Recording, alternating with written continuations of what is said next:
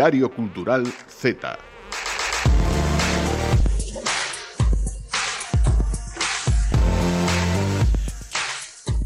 pregúntanme aquí, fache falta un alicate, sei que eu viña con todo preparado, que agora vos conto onde estamos, non? E pois a min aquí grapar un guión, eu non teño maneira de desgrapalo. Estume facendo un daño, pero bueno, vamos ao que íbamos. Hola, hola a todos e a todas. Non é para sorpresa de ninguén que este aquí eu soiña falando, refírome, xa sabedes que detrás sempre teño un montón de xente axudándome no equipo, pero, pero, pero, este programa é hiper especial. Antes de dicirvos moitos motivos polos que o é, xa sabedes que comezo cunha premisa, unha frase feita, unha máxima, un refrán, vounos variando, e o de hoxe é moi especial, porque son varios, todos teñen a mesma esencia. Todo chega cando ten que chegar, todo chega ao seu tempo, todo chega para quen sabe esperar. Eh, que cantos programas levo esperando para ter un copresentador? Moitísimos. En verdade, por fin, a sorpresa que vos teño que decir é que teño ao meu lado a Roberto González, un dos novos presentadores do Diario Cultural Z. Pois, hola. Moi boas, Paula. Mima que recibimento, me fixeches, eh? eh pois, ah, sei, pois sei. nada, un gustazo poder acompañarte aquí neste Z, neste programa para Zetas, feito, feito por, por Zetas, colaboradores Zetas, E na, non quero alargarme moito porque Digo, falar de min non me gusta nada, eh. Pois moi mal. Pero Ay, bueno. a min encántame, xa falo eu, non te preocupes de nada. min e de ti. Pois son Robert. Robert. Son Robert, debes chamarme Robert, Robert. non me gusta vale, moito vale, que vale, vale, Roberto. Robert, Robert, Robert. Eh, son dunha vila fermosísima chamada Redondela, que convido a todo o mundo a visitar. E, eh, e como mínimo, pois espero facelo a metade de ben que, que facía Clara e moitos que viñeron detrás. Clara. E a ver se estou a altura. Que en paz descanse Clara, que ben debe de estar Clara ah, sin aguantarme estar aquí. En fin, genial. que saibades que a Roberto xa lle fixen todas as probas a vida ese por haber, moito, así moitos. que crédeme que está aquí porque o vale. A proba, por cierto, era a ver se si aguantaba máis de cinco minutos escoitándome a min. Entón, xa estamos aquí. Robert, chegou a pregunta eh, máis esperada. Onde nos poden escoitar? Pois non tendes excusa, verdade, para non escoitarnos porque estamos por todos lados, Paula. Que sodes uns modernillos e eh, preferides pois empregar Spotify, Apple Podcast, iVox, pois aí estamos en formato audio baixa demanda, formato no que tamén estamos uh -huh. en radiogalegapodcast.gal. Para casa, claro. E se preferides vernos as cariñas, lamentablemente neste programa non vai ser posible. Da, non digas ende por qué. Non ah, digas vale, por qué. Non digo nada, non digo nada. Pero xa sabes que normalmente pues, poñedes aí en Youtube Canle da TVG E ali estamos, para os cariñas. Pois xa sabedes, a Tana Sopa, vos buscades Diario Cultural Z e adoitamos estar debaixo do boomer, porque tamén hai un Diario Cultural normal, non sei se o sabes, Robert, hmm. como eres aquí o meu novatillo, pois teño que ir dando sei. clases. Entón, como eh, tamén sabedes... Falta, falta, dime, falta. Que para falta? os do rollo clásico, que ah, prefiren escoitar a radio en emisión normal. Ai, é verdad. Ah, pues... Ah. Bueno, xa, menos un punto. Mañán eh, non come. Estamos todos Cuéntame. os sábados e domingos no directo da Radio Galega de 2 e media a 3, se o permite, pois, o furbo. O furbo, claro, que porque... mañá, por exemplo, non, non, hai. non, non estaremos. Bueno, pois pues non pasa nada. Que, por cierto, tamén, se nos queredes ver, tamén estamos nos reels da, da conta Correcto. de Radio Galega, que me pego eu aí uns minutos e eh, unhas horas editando uns reels, que hai que velos, por favor, porque me leva o seu tempo e gustame un montón. Por exemplo, hoxe imos publicar un reels moi especial porque viñemos de paseo, viñemos de excursión, como tamén digo moitas veces este refrán, no? Alá onde está a noticia, alá vai o xornalista. Pois aí estamos nós. Estamos no festival internacional, a ver se me sale todo, Festival Internacional de Cine da Coruña o Intersección. O intersección. Aí estamos. Eu, o o primeiro día xa me tocou viaxar. Eh, pois pues mira, ben. Eh. eh, que ben o trato, de verdade. Mira, máis un punto para min, para mañán como pulpo. En pois fin. aquí estamos, no Palesco, no, no Palesco. no Palacio de Exposicións e Congresos da Coruña, pretiño uh aí, vemos dende aquí a Sala Pelico, no, seguro que che sona, non? Si, sí, eu xa lle dixen cando chegamos, digo, eu isto nunca o vin de día, eu isto non o vin de día nunca. cando marchaba, que a veces aí así un reiño de sol que dis, xa son as sete pois iso, que estamos ne, aquí na Coruña polo Festival Intersección, uh -huh. que está, eh, se está a celebrar estes días do 17 ao 22 de outubro, Uh -huh. eh, pois aquí os temos poñendo foco no cine contemporáneo e nos novos formatos audiovisuais sintetizando moito porque é un festival ben completiño eh? Xa falamos dela agora, non te preocupes Entón, sen máis dirección, imos comezar este programa especial dende a Coruña dende o Festival Internacional de Cine da Coruña Intersección, non sen antes decirvos que ata aquí pois non conducimos nós, oiches que veña Home. Manolo Palmeiro ao volante o noso técnico, tamén Isidro Sánchez, iba a decir Vázquez, e acabo de preguntarlle apelido, é que eu son do que non hai. A Mara Moimenta na produción, e pois nós estamos aquí, Roberto González, pues Paula Cantera. Comezamos con un poquinho de música.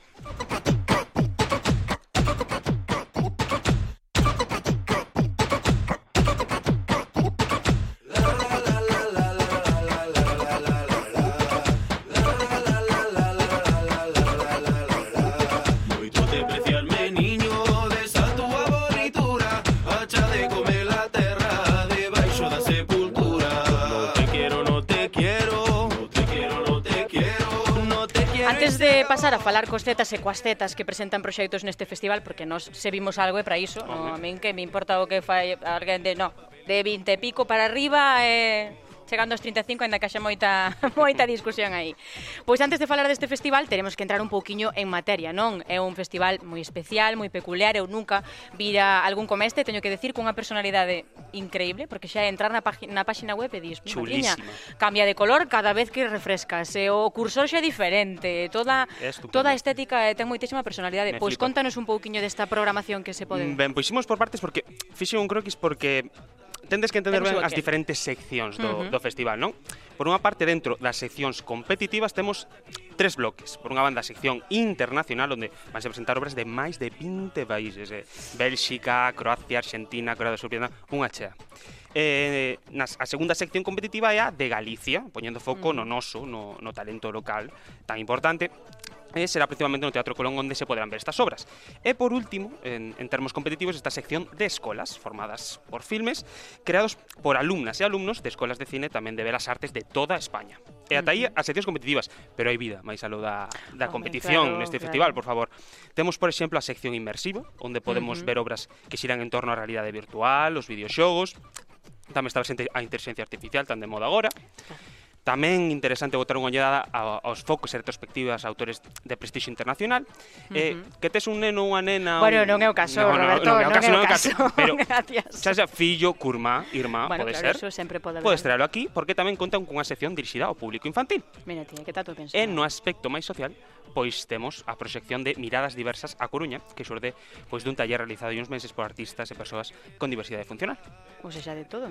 Tamén Seguro hai... que me estou esquecendo de moitas cousas porque xa, xa te digo, completísimo. Pero. Pues, ya entramos pues, vale. Pois xa sabemos de que vai o festival, xa fixemos a investigación pertinente, xa vedes que facemos os deberes, vimos todo o que puidemos, pero antes imos poñerlle unha voz institucional, unha voz seria a, a toda esta explicación e antes de falar cos nosos convidados e convidadas que participan efectivamente no Intersección. E para iso temos connosco a Gonzalo Veloso, ele é o director de cine cun currículo académico longuísimo, director de obras exhibidas en numerosos festivais, festivais como a OUF, o Cine Europa, o Festival de Uruguai, é o director director e fundador deste festival Intersección e por iso hoxe queremos facerlle moitas preguntas que a facer. Boa tarde, Gonzalo, que tal? Boa tarde. Institucional non, é serio menos, pero bueno. Bueno, eh, se hai alguén aquí que ten que representar todo isto, eso, eso sí, eso sí. para as culpas, non é? No, se sai no, no, algo no, no, mal, bueno, ao director. entón, contanos, como, como dicíamos, era un festival, é un festival moi diferente, non? Hai unha conexión e mistura de artes visuais, plásticas, co audiovisual, co cine. Xa nace con esa pretensión? Sí, sí, de feito, intersección, chamase intersección porque nace no entrecruzamento, non? De disciplinas, Ay, de artes visuais, fíjate, hai que... Ai, hai pues para iso está o director, para explicarnos claro, eso. Seriamente, seriamente explico que Exacto. Ah, nace, nace desa, desa mistura. De feito, nace unha fundación Luis Evane, Con, co apoio principal da, da Fundación naquel momento. E si, sí, estaba moito máis ensayado daquela incluso arte contemporáneo da, decía, había máis presenza igual de, de propostas máis máis doido da arte contemporánea cada vez máis o, o cinema eh, que eu tamén veño un pouco máis desa tradición, non? Eh, uh -huh. ocupa máis espazo, pero bueno, sen, sen, sen despreciar ou sen quitarlle espazo a, as propostas pois eso, plásticas, por exemplo, non? Que vides aquí na exposición de, de escolas que hai que, es, que hai obra plástica, hacer pintura incluso, non? Eh, que dialoga co audiovisual, eh, bueno, que nos gusta non ter, ter contidos que, que vaya máis alá non? Do, do, do cinema máis contem... o sea, do cinema máis máis estándar incluso do propio cinema de vanguarda máis máis estándar dando uh -huh. pé pois eso a, a videocreación, a videoarte, instalacións mm, Podríamos decir que é único en Galicia entón neste, bueno, no, digamos coas conexións que fai Non, non me atrevería a decir tanto eh, facemos o que podemos humildemente E cal é o, o manifesto así o obxectivo do manifesto. festival claro, manifesto es, explícome. Pensas que son máis de que pensas. Eh, sí, penso que ves, eu tamén eh, sí. creo que que esperaba aquí. Sí, non, non. Pero non, mm, efectivamente sí. darlle sí, cabida sí, sí. a todos estes proxectos. Sí, bueno, non? a vontade é centrarse sí en propostas eh, audiovisuais contemporáneas eh, bueno, eh, dar cabida a máis a máis produto, digamos, non, a máis expresións artísticas que, a, que as meramente cinematográficas, que son as que si, si tiñan, non, máis hexemonía dentro dos ou máis espazos de visualización, non? Entón, uh -huh. coincidiu que de feito cando naceu o festival foi o ano que cerrou o MACUF, o Museo de Arte Contemporáneo aquí en de Coruña, non? O, o de Unión Fenosa. Entón, os espazos para arte contemporáneo cada vez eran menos e entón facer arte contemporáneo en vídeo eh, tiñan moitos poucos moi poucos espazos de visualización. Entón, un pouco nacía con esa vontade, non? Con ser un punto de encontro entre artistas cineastas eh, bueno, eh, decir, non é que non sexan artistas os cineastas, non que decir, xente da tradición cinematográfica uh -huh. e xente da tradición das artes visuais ou das, sí, da arte contemporánea teber un lugar onde onde atoparse, onde onde poder mostrar os seus traballos que ou non eran tan comprendidos no mundo do cine ou non eran tan comprendidos no mundo da arte contemporánea, quedaba un pouco máis un pouco máis fora, non, naquele momento. E despois fomos ensanchando, non, con moitos máis días de exhibición, porque ao principio era un día e medio. Mm, entón pouco a pouco, pois claro, xa fomos eh, temando pois máis, bueno, máis cinema, máis máis arte, decir, xa non xa non pezas tan difíciles de programar que mantemos ese tipo de programación e agora pois os ensanchamos cara a outras cara a outras liñas. Uh -huh. Tamén é un, un festival que aposta moito polo polo talento novo, non? Polo darlles un espazo tamén a, a, a esas xeracións máis máis máis mozas, non? Do, do, sí do audiovisual e das artes plásticas. Sí, sí, se, se non, non, non estaríades aquí. sí, efectivamente. Sí, sí, sí, pa, pa, dentro do principio para nós era, era moi importante eh, eh, a lógica era o festival é novo, eh, mm. a gran case todo o equipo é moi novo tamén, eh, a lógica é servir para algo no, dentro do noso espazo, non ten sentido programar eh, películas maravillosas, eh, increíbles, internacionais, eh, un, un máis, non? Entón non tiña tanto sentido. Entón, eh, eso queríamos facelo igualmente, pero dar espazo a, a, a novas creadoras, novos creadores que que bueno, que atopen no festival un lugar onde poder comezar a enseñar a, a ensinar o seu traballo. Entón, eh, na sección Galicia ao principio eh, collemos traballos de xente moi nova tamén e despois eh, comezamos facendo unha, unha colaboración coa, coa Facultade de Belas Artes eh, lle fixemos como unha, unha homenaxe cumprían 20 anos entón convidamos a, a, a algúns dos, dos profesores a facer unha escolla do, dos últimos 20 anos non? O, o que significou a Facultade de Belas Artes de Pontevedra en Galicia.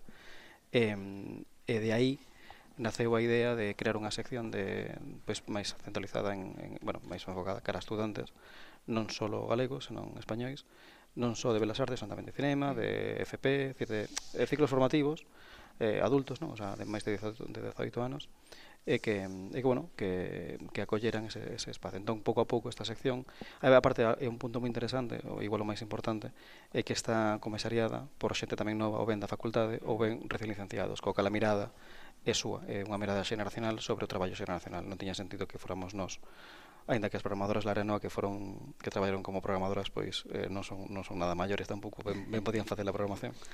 Pero Pero bueno, nos parecía moi interesante non ter esta, esta visión. Eh, de feito, é eh, a sección máis viva do festival, non? É a sección que posiblemente teña máis afluencia de, de, de creadores eh, e eh, onde hai máis máis vibración non para eles é máis importante estar aquí que para moitos outros non? Mm. entón é a verdade que é moi bonito unha sección que nos fai moita ilusión Pois mirade, vedes, aquí quedou a ilusión eh, reflectida de, de Gonzalo Veloso, esa voz seria eh, eh, e institucional, vamos a dicirlo así, non me deixes quedar mal no, ríndote. Favor, favor, no, no, Muteade yo o micrófono. e nós, pois pasamos entón a falar con quen temos que falar. Pois imos ver que fai esta xentiña da nosa xeración neste festival, pero antes vamos a sacarlle aí, porque temos como cocinta americana a, a Jesús Silva, o noso colaborador, que claro, ele é colaborador especializado en audiovisual, en cine, e dixemos, yoiches, estou nada, entonte, que imos pa Coruña, que veñas, porque temos ali algo que sabemos que che vai interesar. El dixo, xa sei que é o festival de intersección, que me ides a contar a min que eu non saiba. Así que, Jesús Silva, quita xa esa mordaza que che temos. Boa tarde. Boa tarde. Moi boa tarde. Que tal, como estás? Pois pues moi ben, moi contento de, de estar aquí. A verdade, está claro que lle pillamos o, o gusto isto de, de levar o Z de mm, xira. Mm, sí. A verdade que na Radio Galega consintennos de todo e a nós é verdade que fai falta moi pouco para convencernos. Pero honestamente penso que ten todo sentido, non? Eh, que fagamos este tipo de programas, este tipo de monográficos, porque mm, precisamente o valor dos festivais é ese, non? É ser espazos de encontro entre, uh -huh. entre cineastas, de público, programadores, e, eh, como non, pois pues tamén, evidentemente, para, para os medios, non? eh, é unha mágoa que tiña que estar eu só de colaborador hoxe aquí porque hai outra persoa mm. que colabora co programa Sara que coñece... Donoso, vámolo dicir que non quixo vir que nos dixo é que teño máis cousas que facer que atender as vosas peticións de última semana de vente con as No, pobre, que eu, eu sei no, ben o que dar, estar claro. sei ben o que estar traballando nun festival arriba. e intentar intentar sacar sacar uh -huh. algo, pero evidentemente ela é a persoa que mellor coñece uh -huh. este, este festival. Efectivamente, despois imos a falar con ela. Antes, vamos a poñer a túa sintonía, que é un é fermosísimo, que pase que xa estás aquí sentado, porque temos que darlle paso aos invitados que traemos na, na túa colaboración en este especial monográfico. Música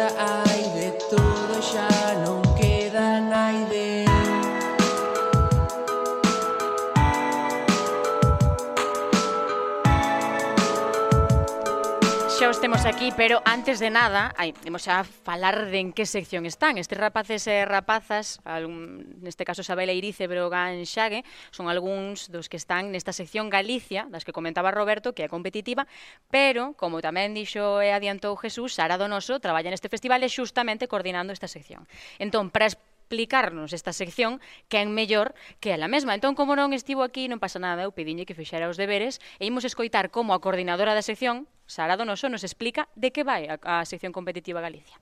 A sección é un festival de cinema que para min ten unha característica moi singular é a aposta pola comprensión e pola relación entre as diferentes linguaxes dentro do oído audiovisual e falo de linguaxes tanto a nivel estético, posibilidades, exploracións estéticas como tamén a nivel conceptual. Ademais, bueno, eu encárgome da programación da sección Galicia dende hai uns anos e este ano é a vez que máis expandimos esta sección, que máis artistas e proxectos acollemos. De feito, é unha sección que está dividida en tres partes, diríamos, dúas sesións monocalle e unha parte expositiva, non? E bueno, dentro desta idea comprendemos a especificidade de, de cada proxecto, pero buscamos tamén pois romper un pouco as lóxicas que impoñen un modelo de etiquetas, non como un elemento que desintegra en lugar de, de integrar. Entón, bueno, buscamos que as vías de exhibición sexan cada vez máis amplas eh, para formar pois unha plataforma global, non, pero que teña diferentes ramificacións dentro do, do medio audiovisual. Eh, neste sentido, Pois temos tamén a, a exposición na Fundación Luis Eoane, que é unha mostra na que hai obras que precisan non dese formato máis expositivo, no que no que non só está a, a cuestión de unha pantalla, senón que pois se relacionan, son obras que se relacionan cos obxectos, que se relacionan coa propia arquitectura do museo ou que teñen outras peculiaridades a nivel eh, plástico que precisan pois dun punto de vista máis moito máis obxectual, máis físico E, e logo por outra banda eu penso que ao final esta selección tan ampla o que fai é enfrentarnos a un exercicio pois case como de realidade de, de ir desmembrando pouco a pouco as diferentes eh, relacións que podemos atopar entre as pezas non? Eh, E, bueno, pois as, as obras que, que ides ver en intersección, a sección galega, falan un pouco de, de cosas que nos interpelan no noso día a día, non? E que teñen que ver, pois, dende a cuestión da ciencia, da socioloxía, a historia, a política, tamén unha mirada máis interior, non? Que se pregunta moitas veces pola identidade, son eh, iso diferentes problemáticas coas que nos estamos a relacionar todos os días e que penso que dende o cinema e a arte pois é unha boa ocasión para, para pararnos un momento, non pensar, reflexionar sobre todas estas cousas e, e buscar ou imaginar pois diferentes relatos. Wow, dá gusto escoitar como Sara nos explica este festival, porque sí que é certo que nun comezo pode parecer demasiado abstracto, demasiado lonxe do audiovisual. Está moi ben que nos explique que efectivamente hai pois, unha outra parte, como é a Galicia Expo, na que se precisa pois, unha parte instalativa onde haxa diferentes obxetos que tamén pois teña moito que ver co audiovisual, porque isto non é só cine audiovisual, non, Jesús? Mm. Efectivamente, a verdade que pouco que engadir a, a maravillosa explicación de, de Sara, pero é certo, todo o que comenta ela é precisamente a razón pola que este festival en tan só seis edicións pois logrou facerse un oco non? no panorama panorama galego como, como un encontro moi singular, no? centrado, como decimos, en poñer en valor o cinema de vanguarda, a arte audiovisual en, en todas as súas formas, en rachar esas fronteiras, no? e, sobre todo, pois, vémolo clarísimo nesta sección Galicia, no? na que, como falaba, pois eh, interactúan, por un lado, mm, dez títulos eh, en formato monocale, no? un audiovisual, uh -huh. podemos decir, nun formato un pouco máis eh, convencional, eh, e os proxectos expositivos, onde atopamos ata 12 pezas, pero que, ao final, interactúan todas para, ao final, poñer o, o foco pois, nesa, natureza, nesa natureza interdisciplinar veterinaria, ¿no? que ten a sección eh, a hora de promover tamén a experimentación. Eh, entón, como, vamos, se vos parece, imos dar xa paso a, a xente que ten máis que contar ca nós, aos, aos creadores, as creadoras.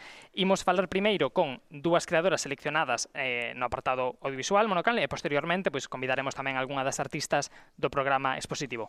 Como adiantaba xa Paula, temos aquí con nós a Breogan Xague e a Sabela Iriz. Moi boas, benvidos os dous. Hola, Hola que tal? Hola. Podedes ah. falar. Me decía Brogan, falo, non? E, claro, en, sei que impoño Brogan, que como lle mando calar a todos, non te preocupes, ti podes falar. Pois pues, guai. efectivamente, temos aquí a Brogan Xague, en primeiro lugar, vámonos a presentar a que está aquí na miña dereita. Remata este ano, se non me equivoco, mestrado en arte libre no Royal Institute de Art of de Estocolmo, vaya que xa me volvo plurilingüe, facendo prácticas non como asistente de artista en Galicia, e o seu traballo abarca pois, música, poesía, vídeo, instalación, escultura, histórica tamén e trata de comprender a relación entre lingua e paisaxe na cultura galega. En esta, nesta ocasión, neste festival, presenta Panxo Liña para unha paisaxe morta e tocame presentar a Sabela uh -huh. Eiriz. Quen é Sabela Eiriz? Pois é unha artista multidisciplinar que traballa principalmente coa fotografía, o vídeo e a escritura.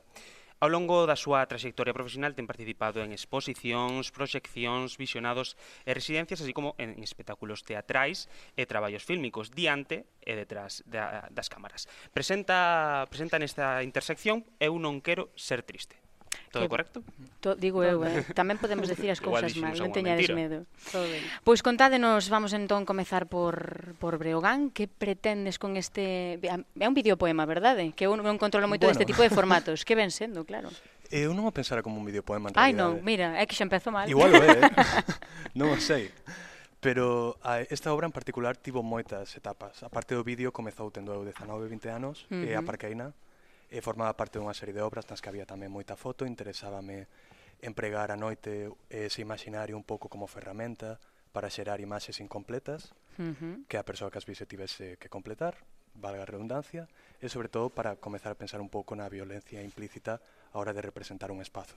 Claro, porque contanos un pouquiño que podemos ver. Realmente ver ver ver lucidamente non mm. non vemos como tal nada. Efectivamente é onde temos que completar é que, que verbas son as que vemos na, na túa peza? En Panxoliña recordamos por unha paisaxe morta.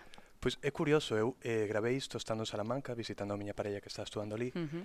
e gravei no xusto despois do Nadal, entón hai certo sentimento de desarraigo, digamos, dai o título, e comecei a gravar eh, pois sen moito sentido, a verdade, como un exercicio puramente plástico, e comecei a ver en casa que o, non, non, non sacaba nada ensinando todo ese paisaxe. Interesábame máis a miña relación eh, con un entorno alleo e como reflectir nese entorno, insisto, no problema da, da representación deses espazos e no reductivo que acaba sendo. Entón, eh, pareceu moi máis interesante amosar esa incoherencia e xogar con ela que ocultala. Entón, a partir de aí, comecei a ocultar a imaxe, a facela uh -huh. máis indescifrable e pouco a pouco, progresivamente, a chegar a puntos máis abstractos. E para iso empreguei o ano pasado, e por iso está nesta sección e por iso é unha obra nova, engadín o texto de Eteladnan, do poemario Noite, e no que basicamente todo o poemario reflexiona sobre a memoria e emprega o espazo da noite como unha analogía, como unha ferramenta. Mira, sobre a memoria, que diso vai moitísimo tamén o traballo que nos presenta Sabela con Eu non quero ser triste. Contanos que podemos ver, bueno, no xa vimos, claro, pero para quen este nas súas casas, que se ve na, na túa obra, que pretendes mostrar, hai moitas frases, leolles algunhas a, a quen nos escoita, lembrar é un acto de amor, é un acto de fe, lembrar é un acto de contrición, contanos que nos queres ensinar con esta obra, como nace, por qué? Eh, é unha obra un pouco collage, realmente naceu como poema, eu creo que sí que podería catalogalo como, como videopoema. eh, Eh, eh, partiu de aí, de, dun poema escrito e que logo foi tomando forma, pero tamén tive unha maneira de tive unha maneira de traballar con el, foi como hai hai un aniño máis ou menos, eh, como moi orgánico e moi dende o disfrute, non? Entón, eh, ir traballando as imaxes e as propias imaxes tamén ían influindo logo no texto. Entón, realmente fun construindo todo, por eso falo de collage, porque foi un pouco así. Incluso esas frases que a principio eh, ían estar en voz e logo ten, toman esta forma como, como texto, como casi un pouco unha especie de, de mantras. E, eh, eh, e todo este colas ven xogar un pouco con algo que é moi recurrente na peza, que é a, a memoria, uh -huh. o que estamos falando, eh, en este caso, bueno, dende un lugar eh, íntimo, dende un lugar falo tamén un pouco do, do medo, do medo do, bueno, de, de, de como se escurre, de como de como podemos, non? De, do, do fráxil que que é. Eh, ese, digamos que ese discurso máis, bueno, máis íntimo, máis máis incluso cotiá ou, no, do, do, do día a día da, do exercicio da memoria, pois intercalase un pouco con algo un pouco máis sesudo, máis conceptual de pensar pois como se fai memoria e, e esa, esa cousa de estar buscando sempre volver e, e, e refacer a memoria. Resulta moi curioso que ambos mencionaxedes, non? Como nestas, nestas pezas eh, se foron mesturando por unha parte a, a creación escrita, que as imaxes, como folles atopando esa forma final, e claro, como como artistas multidisciplinarias ambos, eu quería saber cal é normalmente, non? Si, si este proceso, estas dúas obras foron paradigmáticas do vosso proceso de traballo habitual, non? Eu quería saber se normalmente como vos achegades a esta fase de creación, se, se ven primeiro a idea, ven primeiro o formato, xorro de forma natural, cal é un pouco habitualmente o, o vosso método de traballo? Bueno, no meu caso é bastante orgánico a mistura, ou seja, non me propoño vou misturar eh, literatura e vídeo e escultura. Ao final, adoita a partir dun proxecto adoita partir últimamente dun, dun discurso que vou interiorizando e dentro diso pois teño unhas ferramentas e dependendo da natureza de cada obra pois saen unhas ou outras. Uh -huh. Sí, no meu caso é moi moi similar, a verdade. Bueno, xa comentaba antes, non esta esta cousa orgánica é un pouco tamén o que vai pedindo. Eh, depende un pouco do traballo, pero nese sentido quizá ese un dos traballos que mm, de, de, bueno, que me produce como máis felicidade pola pola posibilidade que me din a min mesma de traballar desde ese punto, non? De ir escoitando o que o, bueno, o que vai pedindo, bueno, estar traballando de un lugar tan personal pois tamén require esa honestidade, non? Entón é esta cousa de, vale, é aquí que pide, igual aquí pide a palabra falada, é aquí uh -huh. é a imaxe, e ir xogando aí. É curioso porque, evidentemente, tal como explicades, eh, parece, resulta evidente non que algo orgánico, que algo natural, que, que creación artística, pois é iso, non? que non se pode eh, compartimentar, pero logo polo contra topamos que realmente non hai tantos espazos de exhibición onde acoller este tipo de obras como as que presentades vos. Entón temos a sorte de que estamos hoxe en intersección e eu quería saber pois cale un pouco a vosa opinión sobre eh, festivais, seccións como esta, no? precisamente que rachan con esas fronteiras, que fan dialogar obras pois máis puramente audiovisuais, con propostas expositivas, con este, estas mesturas no? nas que traballamos a, a min dame a vida, porque senón eh, uh -huh. dubido que puides entrar nun circuito audiovisual máis mainstream de algún modo tamén polo xeito no que entendo a imaxe e polo que me interesa de traballar con imaxe en movimento.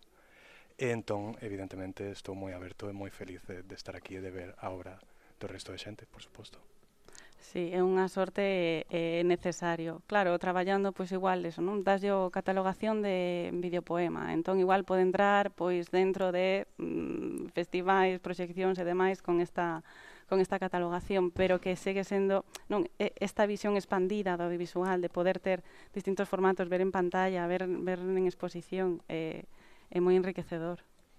Eu quería preguntarvos porque falabas antes da experiencia persoal, eh, eh como un pouco que grado de importancia xoga a, a, a intimidade, a, a experiencia persoal eh, nas vosas obras e un pouco como xestionades esa carga de, de, da experiencia persoal?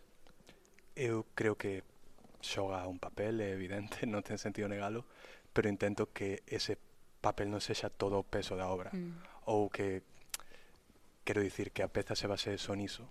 Intento analizar por se algo é unha circunstancia persoal en base a que, que pode compartir con outras, mm -hmm. que podo extraer para elaborar unha peza que poida ser útil para outras persoas que poidan identificarse e, sobre todo, que me interesa desa experiencia persoal non só sacala e pensar que o valor está en sacala que moitas veces e moitas propostas pode estalo pero no que eu fago considero que non tanto e que sempre ten que formar parte dun conxunto máis grande Hmm.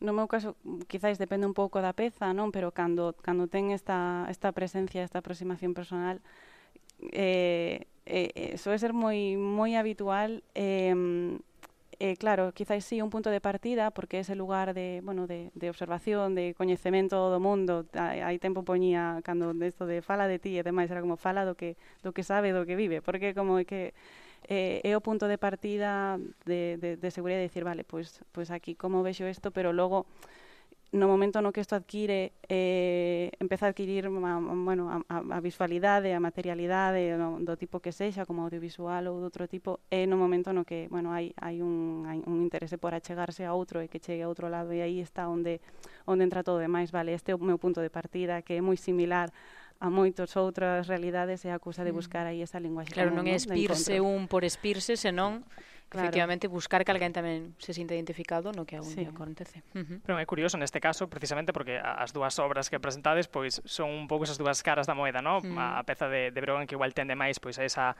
abstracción, a ese enchernos eh, de, de significado, no? Vemos esas imaxes que comezan pola noite, pero aínda con certa nitidez, non? onde distinguimos aínda certas formas, certos árbores, mm. edificios ao lonxe, e vamos sí. cada vez tendendo máis e máis cara a abstracción, eh, mentres que pois, na peza de Isabel é un pouco, se non ao contrario, dende logo sí que decides expoñerte frontalmente diante da cámara, falando de ti en primeira mm. persoa, non? Eh, porque entendo que, pois, que era importante mm. para ti, non? Entón, se queres profundizar un pouco máis máis neso, non? O que buscabades nese sentido, se era para ti, no teu caso, breo, pois mm, deixar o pois máis aberto a, a, a, ao espectador, a persoa que, que se enfronta á peza e no caso de, de saber se era máis importante para ti estar, neste caso, moi moi presente, como iso, como, como, como traballas normalmente esa exposición como, como artista? Eh, pois, eu, eh, no meu caso, sí que é algo que penseis nos últimos anos, sobre todo, que adoito empregar as imaxes, máis que polo que inclúa a propia imaxe, polo xesto e polo acto de ter grabado iso en concreto. E creo que iso no meu caso chega a expoñerme máis que se me gravase a min mesmo nese entorno. O xeito no que gravo, os materiais, a pouca nitidez, os poucos recursos, as circunstancias, o lugar... Creo que para min é un xeito de expoñerme moi grande, e en outras curtometraxes probablemente sexa máis evidente que nesta, porque esta ten, ten un proceso máis eh, estrano nese sentido, pero creo que tamén está visible, inda que non é algo que pensase no momento, e algo que penso agora, a posteriori,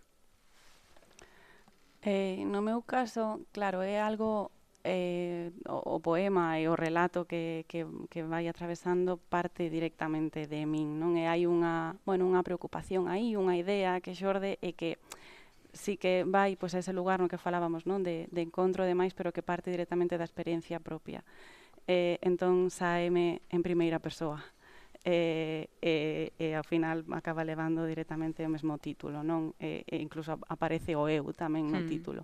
Un pouco como unha cousa de, bueno, pues es, estar aí e poñerlle voz e poñerlle corpo tamén, eh, eh, quizáis é un pouco repetitivo, pero esta cousa que falaba de, de, da organicidade non e do natural e da honestidade que, que comentaba antes, creo que vai moi en sintonía con isto, porque foi un traballo tamén no que, bueno, no que sai algo, de, sempre hai como estos temas así que, que van como recurrentes, non para cada unha, e, e que nos que están máis aí na cabeza, sei que non será o, un, o último que, que siga aí rumiando con isto, e, e foi tamén un xeito de traballar sobre isto, non como parte do meu propio proceso, case vexo aí como, como ese capituliño. Eh, e, e con el tamén estou me chegando, estaba me achegando a unha parte eh, persoal, familiar, de, bueno, unha preocupación por isto, non? Por, por, pola memoria, pola, pola construción da memoria, a reconstrucción da memoria, a perda da memoria. Entón, claro, estuvo falando de, de, de, de un lugar eh, moi meu en, non é non é moi pensado porque hai eh, a, a miña a miña, o sea, eu, eu comecei en teatro e logo a partir de aí pois fun e agora foto e agora vídeo e, entón este collage do que falaba, pois igual tamén está un pouco aí, non? E, e tamén algo, vale, estou falando, estou falando eu, e parecíame como que non tiña sentido buscar a outra persoa para dicilo. Mm. É moi curioso que como acabades de explicar que para cada un de vos, sendo super diferentes os, os contidos, son igual de íntimos. Ti, eh, no caso de Isabela, por sair ela mesma, por ser a súa voz, por ser a, a, a protagonista tamén física do, do, do vídeo, e no teu caso, Breogán, por ser as circunstancias nas que ti gravas, con, cos teus recursos, como algo que saiu innato de ti.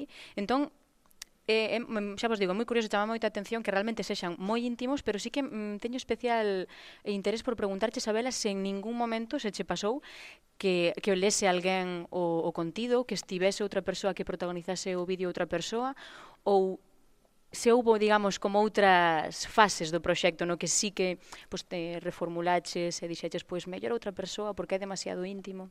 Porque ao final sabes ti, estás moi exposta, digamos, claro. entre comiñas. Sí, sí.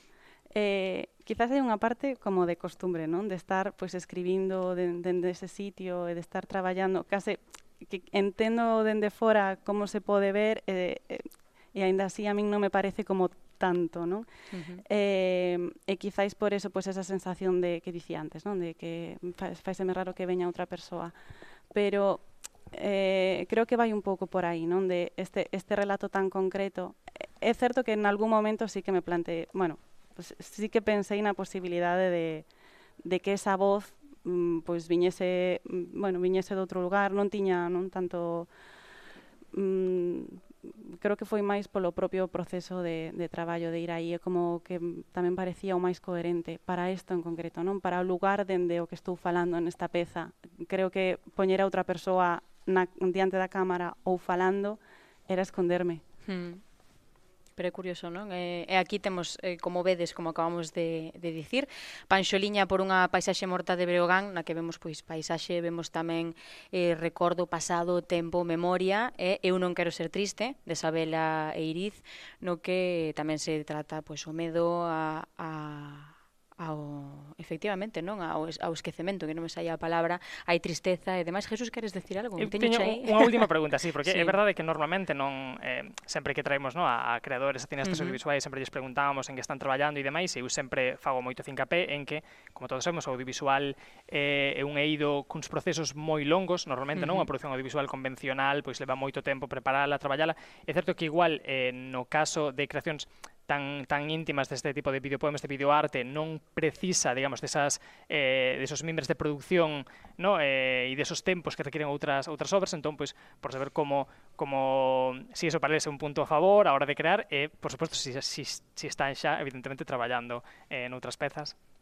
Eh, sí, eu estou tamén no Selección Lab, estou traballando cunha peza que era unha videoinstalación que fixen en Estocolmo, uh -huh. que lle teño bastante fe.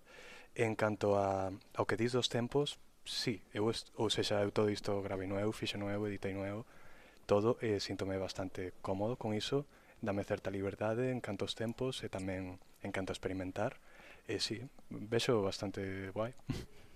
Sí, eu, claro, bueno, pois pues isto tamén foi todo de escribir e gravar e todo o que estamos falando, non? De de unha en ese sentido pois a liberdade que, que che dá traballar dese xeito e, e de marcar os teus tempos da axilidade que ten que logo tamén ten a contraparte de, da, da vulnerabilidade que ten isto non e da inseguridade que, que ah, bueno, que nese sentido son moi neuras de repente como espera que veña alguén de fora e me diga ah, espera isto isto como vai pero pero claro, nese sentido sí que, bueno, é, é un xeito de traballar que che dá pues, facer este tipo de pezas. Eh, a verdade é que agora mesmo o, o que teño sobre todo é unha, unha, unha nota destas do móvil longuísima con, con ideas, algunhas son palabras, outras son imaxes.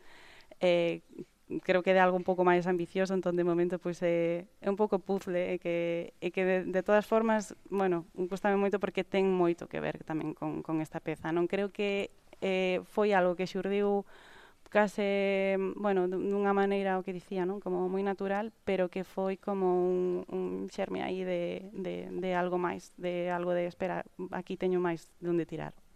Pois pues a ver que, que se deparan esas notas de, de Isabela e iso que traballa tamén no, no lab de aquí da intersección Breogán. Achegámonos como, como escoitamos a como traballa efectivamente que vemos como algo moi abstracto pois esta mestura de artes plásticas visuais e audiovisuais xa vedes que pode ser pois eh, tan íntimo e tan eh, cercano como eu non quero ser triste de Isabela Iriz e Panxoliña por unha paisaxe morta de Breogán Xague. Moitas grazas aos dous, esperamos vervos en miles de ocasións ocasións máis. Sabemos que vai ser así.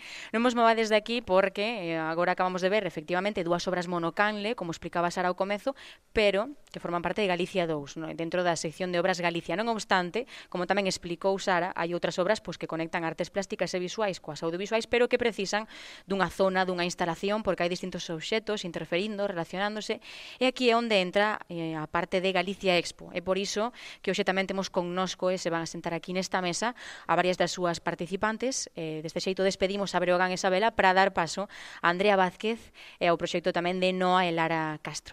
Pois xa temos aquí, xa tiveron tempo para sentarse, temos connosco a Andrea Vázquez, que presenta Ayer Despierto, agora falamos dese proxecto, e tamén temos a unha representante de Noa Lara. Noa Lara, porque fago moi liu xa. Noa, Noa, Noa, Noa Castro, que presenta o seu traballo sempre se encontra con solo, que fai tamén con súa irmán Lara. Boa tarde, chicas. Que Hola, boa tarde. Boa tarde, que tal? Pois, efectivamente, temos aquí a, a Andrea Vázquez, Roberto Procede, con estas presentacións tan bonitas que estamos facendo. Aquí un repaso do currículum vos estamos facendo maravilloso. Pois, imos alo con Andrea. Con pois Andrea, Andrea Vázquez Bravo que, Xo decía, oi, Andrea. que comeza a interesarse pola arte aos 15 anos cando decidiu estudar o, o bacharelato artístico no IES Plurilingüe a Dormideras. A raíz dun par de excursións a varios museos pois atopa o seu verdadeiro interese a arte contemporánea. E en 2018 decide ampliar os seus estudos matriculándose no Grau de Belas Artes da Universidade de Vigo. Dende entón, pois, segue nun, un, un ronsel de traballo que se move pois entre distintas disciplinas. E presenta aquí no Intercesión, como xa dixeches, Ayer despierto. E sempre se encontra con Solo, a outra obra que se presenta, é por parte de Noa e Lara Castro, que traballan colectivamente, menuda vida de xemelgas, para todo xuntas estades logo. Bueno, para algunhas cousas. Pois que aquí o currículo, polo menos, parece que é o mesmiño, porque reivindica de soños e poesía non con estas ferramentas, pero sei que estudastedes pois, en Basilea, tamén aquí en, en Galicia, en Vigo, todo isto xuntiñas, en Granada inclusive, todo xuntas. Sí, sí, Meu sí. Deus, como isto, eh? Uf.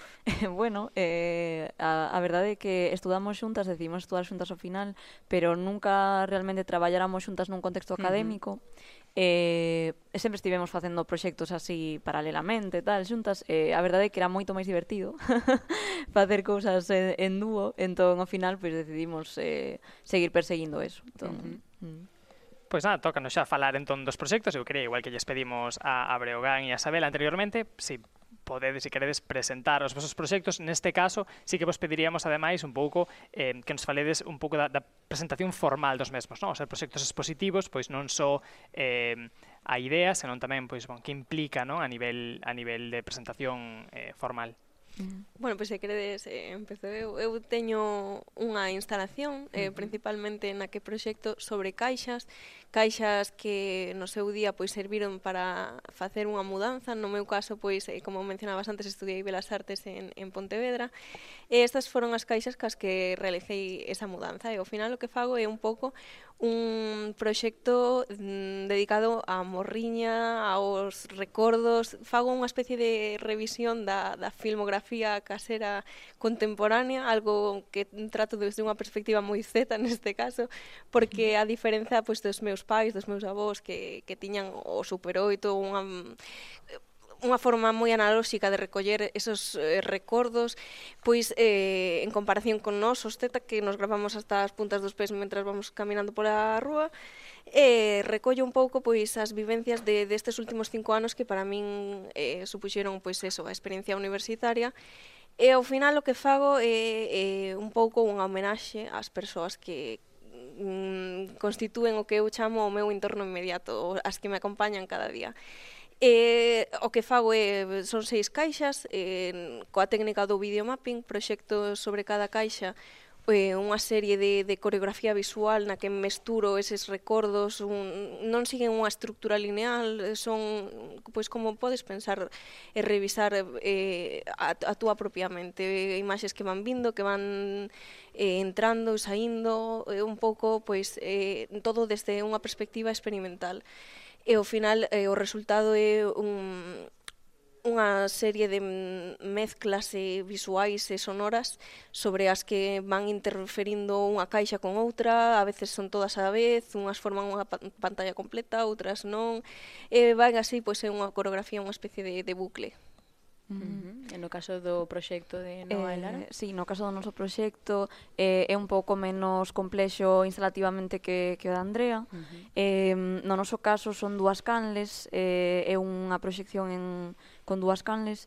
Eh, a, nosa, a nosa peza eh, enmarcase como nunha investigación que levamos eh, traballando durante dous anos en, en Basilea, dende Basilea, eh, que se centra moito na, na, na historia, eh, en as estrategias da tradición oral galega, eh, e, eh, bueno, en como estas eh, poden nos servir para encontrar eh, formas de, de, de loitar contra, diferente, contra diferentes violencias, non? E, e de mm, bueno, formas de cuidado, formas de, de, de transmitir a, a intrahistoria e a memoria eh, que, que se que difiran un pouco, digamos, do, dos sistemas eh, eh, pois máis institucionais ou, ou sí. Eh, eh, xa que estamos pois como con esta con esta investigación moi relacionada coa literatura e coa tradición oral, pois pensamos que, que, que podía ser interesante ter estas dúas proxeccións tamén que remiten un pouco ao libro, pero que ao mesmo tempo tamén eh, o doble, a figura do doble é importante para nós, xa que, bueno, eh, ao ser xemelgas estamos empezando un pouco a explorar esa relación tamén. Eh, E, bueno, o que pode implicar o doble eh, no colectivo, non? Eh, eh, como o doble pode ser máis de dous, e pode ser como eh, pode xerar unha colectividade máis ampla. Mm. Non é que queira de verdade reciclar preguntas, ni moito menos, pero volvemos ter a sorte de que eh, temos a, pois pues, aquí dúas creadoras que traballan a través de varios formatos, constame ademais que, que Lara non leva moitos anos traballando tamén en pezas monocanle, mm. entón quería saber, pois, de novo, no, cal, como enfrontades no, ese, esa, ese xérmolo dun, dun proceso creativo, dun, dun cal é o vosso método de traballo habitual. Se de novo, pois estas obras que presentades se só podían ter esta forma, no? se finalmente esta era a única forma posible, se, se pasaron por outros formatos, se, se tiveches en mente pues, presentalas pues, tamén como pezas monocanle ou outro tipo de exposición, cal, cal é habitualmente a vosa aproximación? Eu particularmente sempre concibo as miñas obras en, a nivel tridimensional, en, non só traballar en monocanle, pero sí que é verdade pois que ao principio eh, o ser vídeo experimental eu sí que traballaba pois en de cunha concepción un pouco máis plana da obra, ao final o que fixen pois foi levarla ao tridimensional eh, coas caixas, pero o meu proceso creativo é un pouco eh, ir recolectando e facendo cousas que ao mellor non teñen moito sentido, pero que ao final eh, aca, a, o acadas coa formalización da propia obra. Non todas as formalizacións funcionan, probas moitas cousas ata chegar a que máis mm, sentido ten o final, eh, pasa como por moitas fases ata que encontras ese punto no que dis, vale, pois eh, o que estou facendo xa vai collendo forma. Uh -huh. Sí, no noso caso eh, non é tan eh, fijo dende o principio, non? Como que a, a, a forma da obra, digamos, que está aberta ata o final ou un pouco, sí, ata a metade do proceso, unha cousa así, é sempre ou case sempre é adaptable eh, porque, bueno, tamén Eh, agora ao, eh, interesanos moito o, o tema da, de, de como as cousas se repiten, como estamos moi interesadas nos contos, pois os contos recóntanse, e eh, contanse de formas un pouco diferentes, cambiando certos detalles, entón non nos importa e creemos que ten, é coherente co, co, co tema incluso da, das pezas que se poidan adaptar. Entón, eh, digamos que, que cada forma de, de, de, de amosalas eh, pode xerar diferentes lecturas na peza tamén, entón isto, iso interésanos.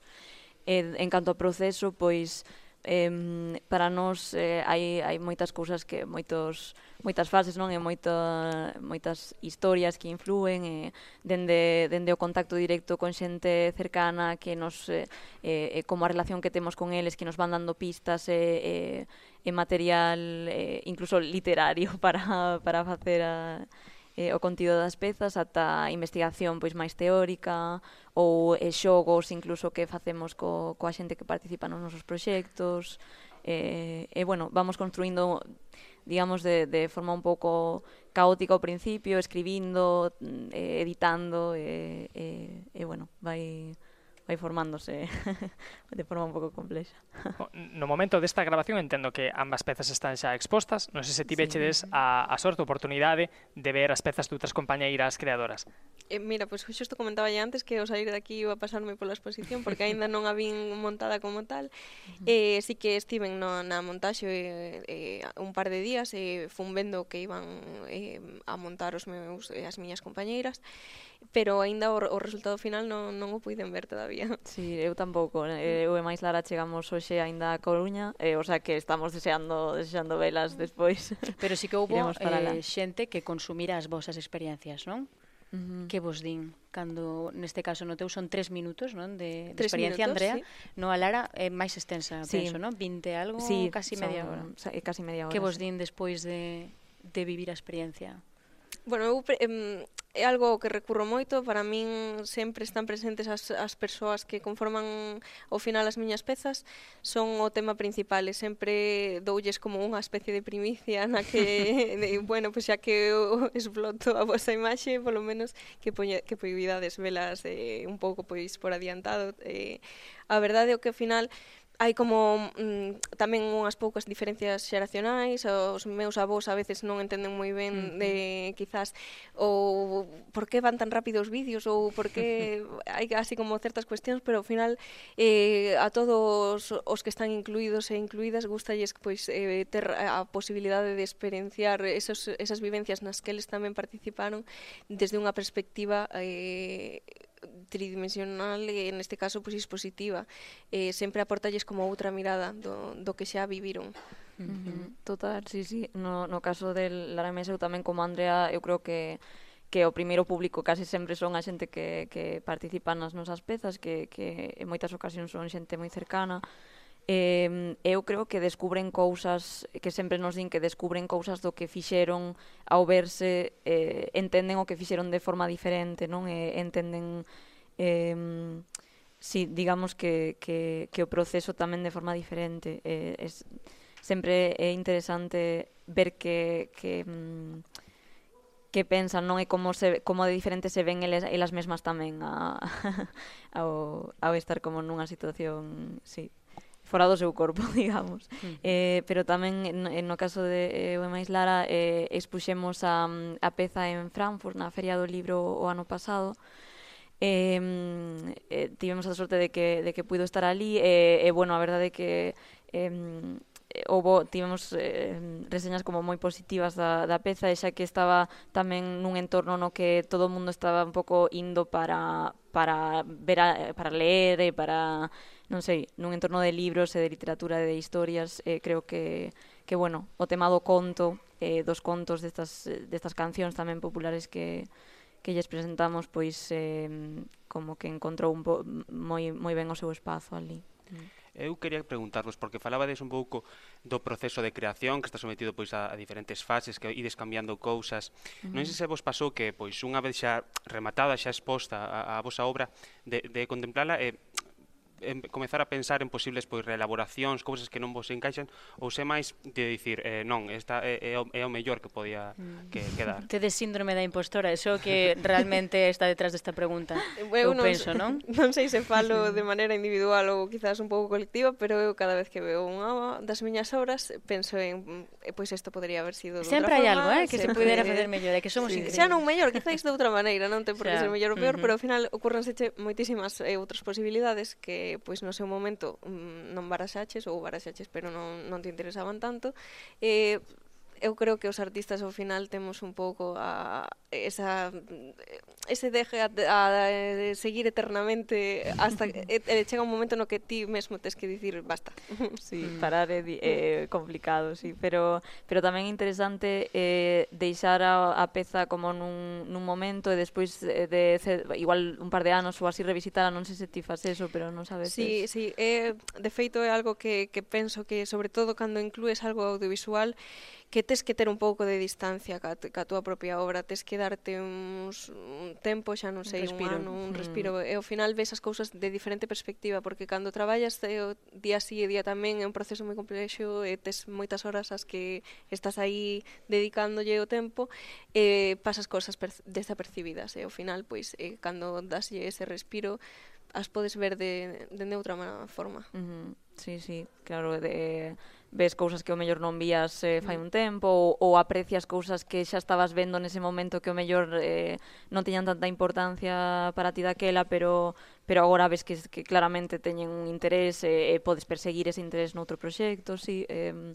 supoño que sempre pode haber cousas que cambiar. É como sí, se obra pero... madurase sen que vos fixesedes nada, pero porque vos cambia a perspectiva e óptica, claro. Sí, 100%. Entendo que é un proceso totalmente distinto cando os enfrontades a obras ou cando gozades de obras de outras creadoras, non? Ao final a conexión uh -huh. é distinta. É verdade que comentades que aínda non tiveches esa sorte de ver as obras expostas estar en intersección, pero de seguro que tedes o ollo posto na creación de, de outras compañeiras. Eu simplemente quería saber a vosa opinión, non? En xeral, como vedes eh, o panorama galego en relación eh, a Biduarte, non? Comentábamos antes de que faltan espazos, máis espazos como intersección, no que poder acoller eh, este tipo de, de obras. Uh -huh. A é interesante porque aquí temos a creadoras que, que agora mesmo estades traballando eh, dende fora, que vivichedes fora, e Andrea, que penso que sigues traballando dende aquí, entón interésame un pouco cal é a, a, a vosa visión dende, dende esas dúas perspectivas. Uh -huh. Sí que é verdade que non me gusta decir que sou pesimista, senón máis ben pois realista, de que non hai... Eh, certas, eh, eh, eh, sobre todo completas facilidades para dedicarte a ser artista ao 100%, case todas as persoas que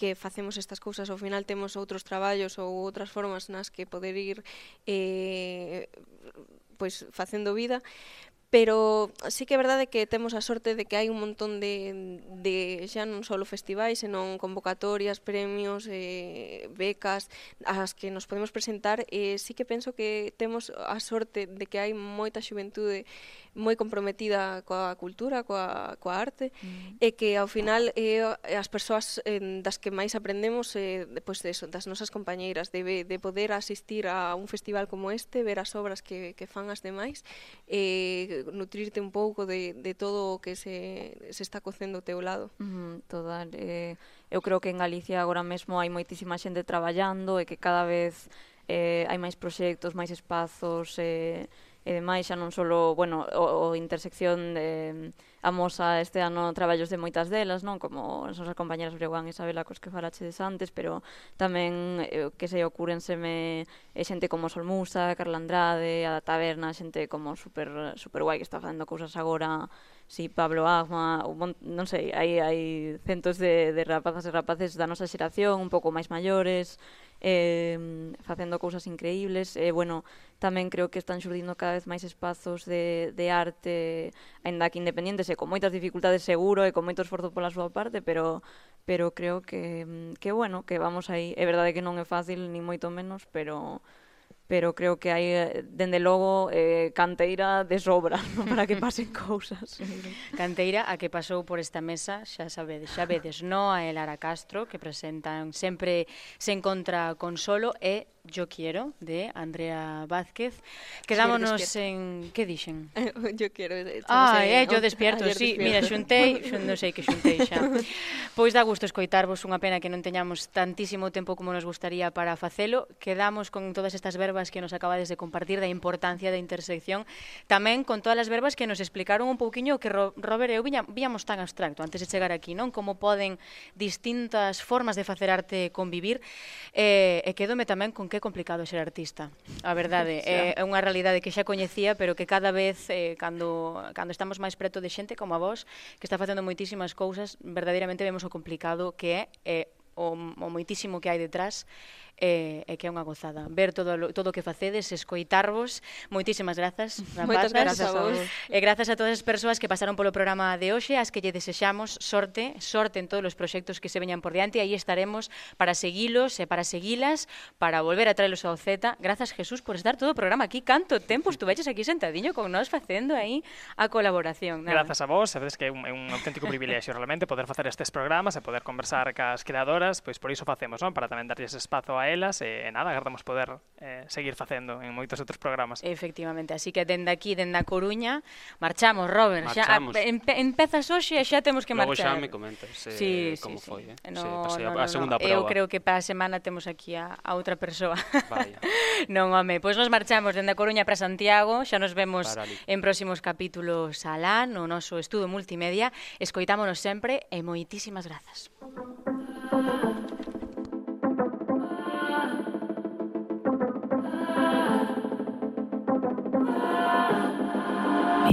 Disco eu xa sei que tiras. Todos orbitando como velaíñas Non te pegues tanto, non quero movida.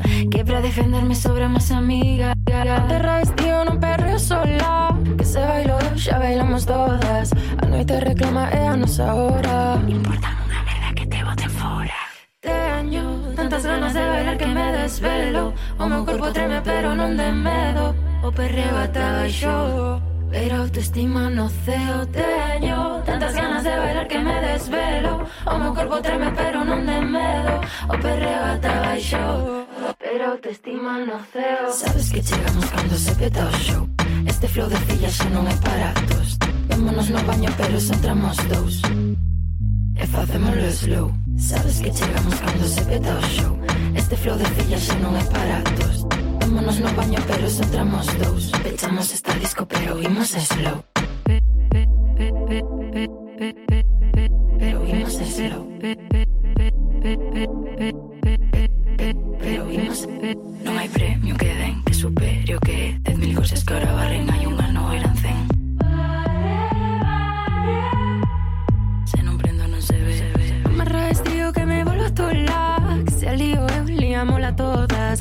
te reclama ya no es ahora. Importamos una mierda que nos voten fuera. No me rajes, tío, que me vuelvo tola.